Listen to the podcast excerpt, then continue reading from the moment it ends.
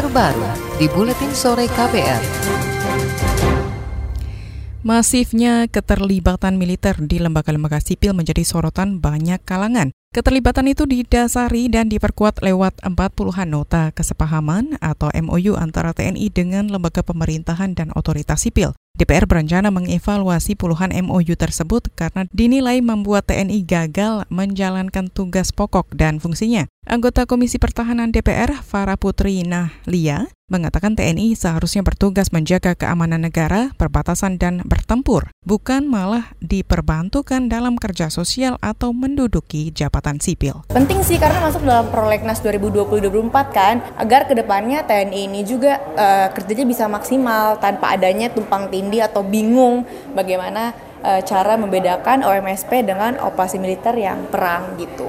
Misalnya tadi MOU antara TNI dan Polri tentang uh, ketertiban keamanan itu kan seharusnya tugas uh, pokoknya Polri gitu dengan adanya MOU dengan TNI itu berarti tumpang tindih atau uh, bertentangan dengan peraturan yang ada. Anggota Komisi Pertahanan DPR Farah Putri Nahlia menambahkan puluhan MOU TNI yang bakal dievaluasi seperti MOU dengan Pramuka, dengan KONI Pusat, SKK Migas, LIPI, PMI, LDDI, dan BKKBN. Farah mengakui Dewan belum bekerja maksimal terkait masalah perbantuan militer di ranah sipil. Ia berjanji tahun depan DPR akan mengenjot penyelesaian rancangan undang-undang perbantuan TNI. Sementara itu, saudara, organisasi HAM imparsial memperkirakan militer akan menguasai Indonesia lima tahun ke depan jika keterlibatannya tidak segera dibatasi. Direktur Imparsial Al-Araf menegaskan, pemerintah tak boleh membiarkan TNI menduduki jabatan sipil dan mengukuhkan kekuatan politiknya. Pasalnya, hal itu akan memperluas ruang intervensi militer di ranah sipil. Itu sebab, Imparsial mendesak pembuatan Undang-Undang Perbantuan TNI secepatnya. Yang isinya akan menjadi dasar-dasar dan batasan-batasan sampai seberapa jauh militer dapat terlibat dalam operasi selain perang.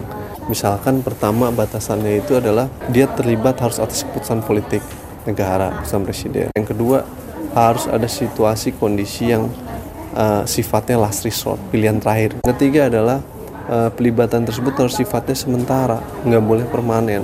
Yang keempat yang dilibatkan itu harus berada di bawah kendali operasi yang membutuhkan. Yang kelima adalah dia harus tunduk dalam tata sistem peradilan umum. Direktur Imparsial Al-Araf menegaskan, keterlibatan militer di luar tugas pokoknya melanggar Undang-Undang TNI. Ia juga mengkritik batasan pekerjaan dan lama perbantuan TNI yang tidak jelas. Hal ini menyebabkan TNI melupakan tugas pokoknya dalam sektor pertahanan dan keamanan. Lembaga Ketahanan Nasional atau Lemhanas mengklaim tidak ada yang salah dengan keterlibatan militer dalam bentuk tugas perbantuan di otoritas sipil. Gubernur Lemhanas Agus Wijoyo beralasan TNI dapat menjalankan tugas-tugas sosial di masyarakat. Meski begitu, Agus mengakui kurangnya pengawasan terhadap praktik tersebut sekaligus batas-batas keterlibatan militer di ranah sipil. Cuma tiga cara pengerahan TNI. Satu adalah fungsi organik dalam fungsi pertahanan nasional. Ini mandat amanat konstitusi. Kedua, perbantuan TNI kepada otoritas sipil di masa damai. Ketiga adalah sebagai pemerintahan darurat di masa damai gitu ya. Ini bisa untuk membantu aparat hukum ataupun aparat-aparat lainnya berdasarkan keputusan politik sesuai dengan konstitusi. Tetapi instansi yang menangani ini sudah diatur oleh konstitusi. Tidak bisa TNI itu langsung dikerahkan untuk menghadapi ancaman dari dalam negeri. Gubernur Lemhanas Gus Wijoyo juga menuturkan perbantuan TNI merupakan hal wajar dan sudah terjadi sejak lama. Menurut Agus, perbantuan bukanlah hal terlarang meski ia mengingatkan tugas pokok TNI tetaplah di bidang pertahanan. Karena itu tugas perbantuan seharusnya atas permintaan Presiden dan karena adanya kondisi darurat. Ia mendorong dibuatnya aturan dan batasan lebih jelas dalam bentuk Undang-Undang Perbantuan TNI. Saudara, pengamat keamanan Mufti Makarim mendukung DPR mengevaluasi puluhan MOU keterlibatan militer di ranah sipil. Mufti menilai, evaluasi itu bisa mengembalikan TNI ke tugas pokoknya di sektor pertahanan dan keamanan. Ia menyebut banyak MOU itu yang tak berkaitan langsung dengan tugas pokok TNI, contohnya MOU dengan Badan Kependudukan dan Keluarga Berencana Nasional BKKBN. Sebagai contoh saja misalnya dalam konteks kerjasama dengan BKKBN ya, itu itu kan konteksnya bagaimana mereka dilibatkan untuk aktivitas yang sebenarnya bukan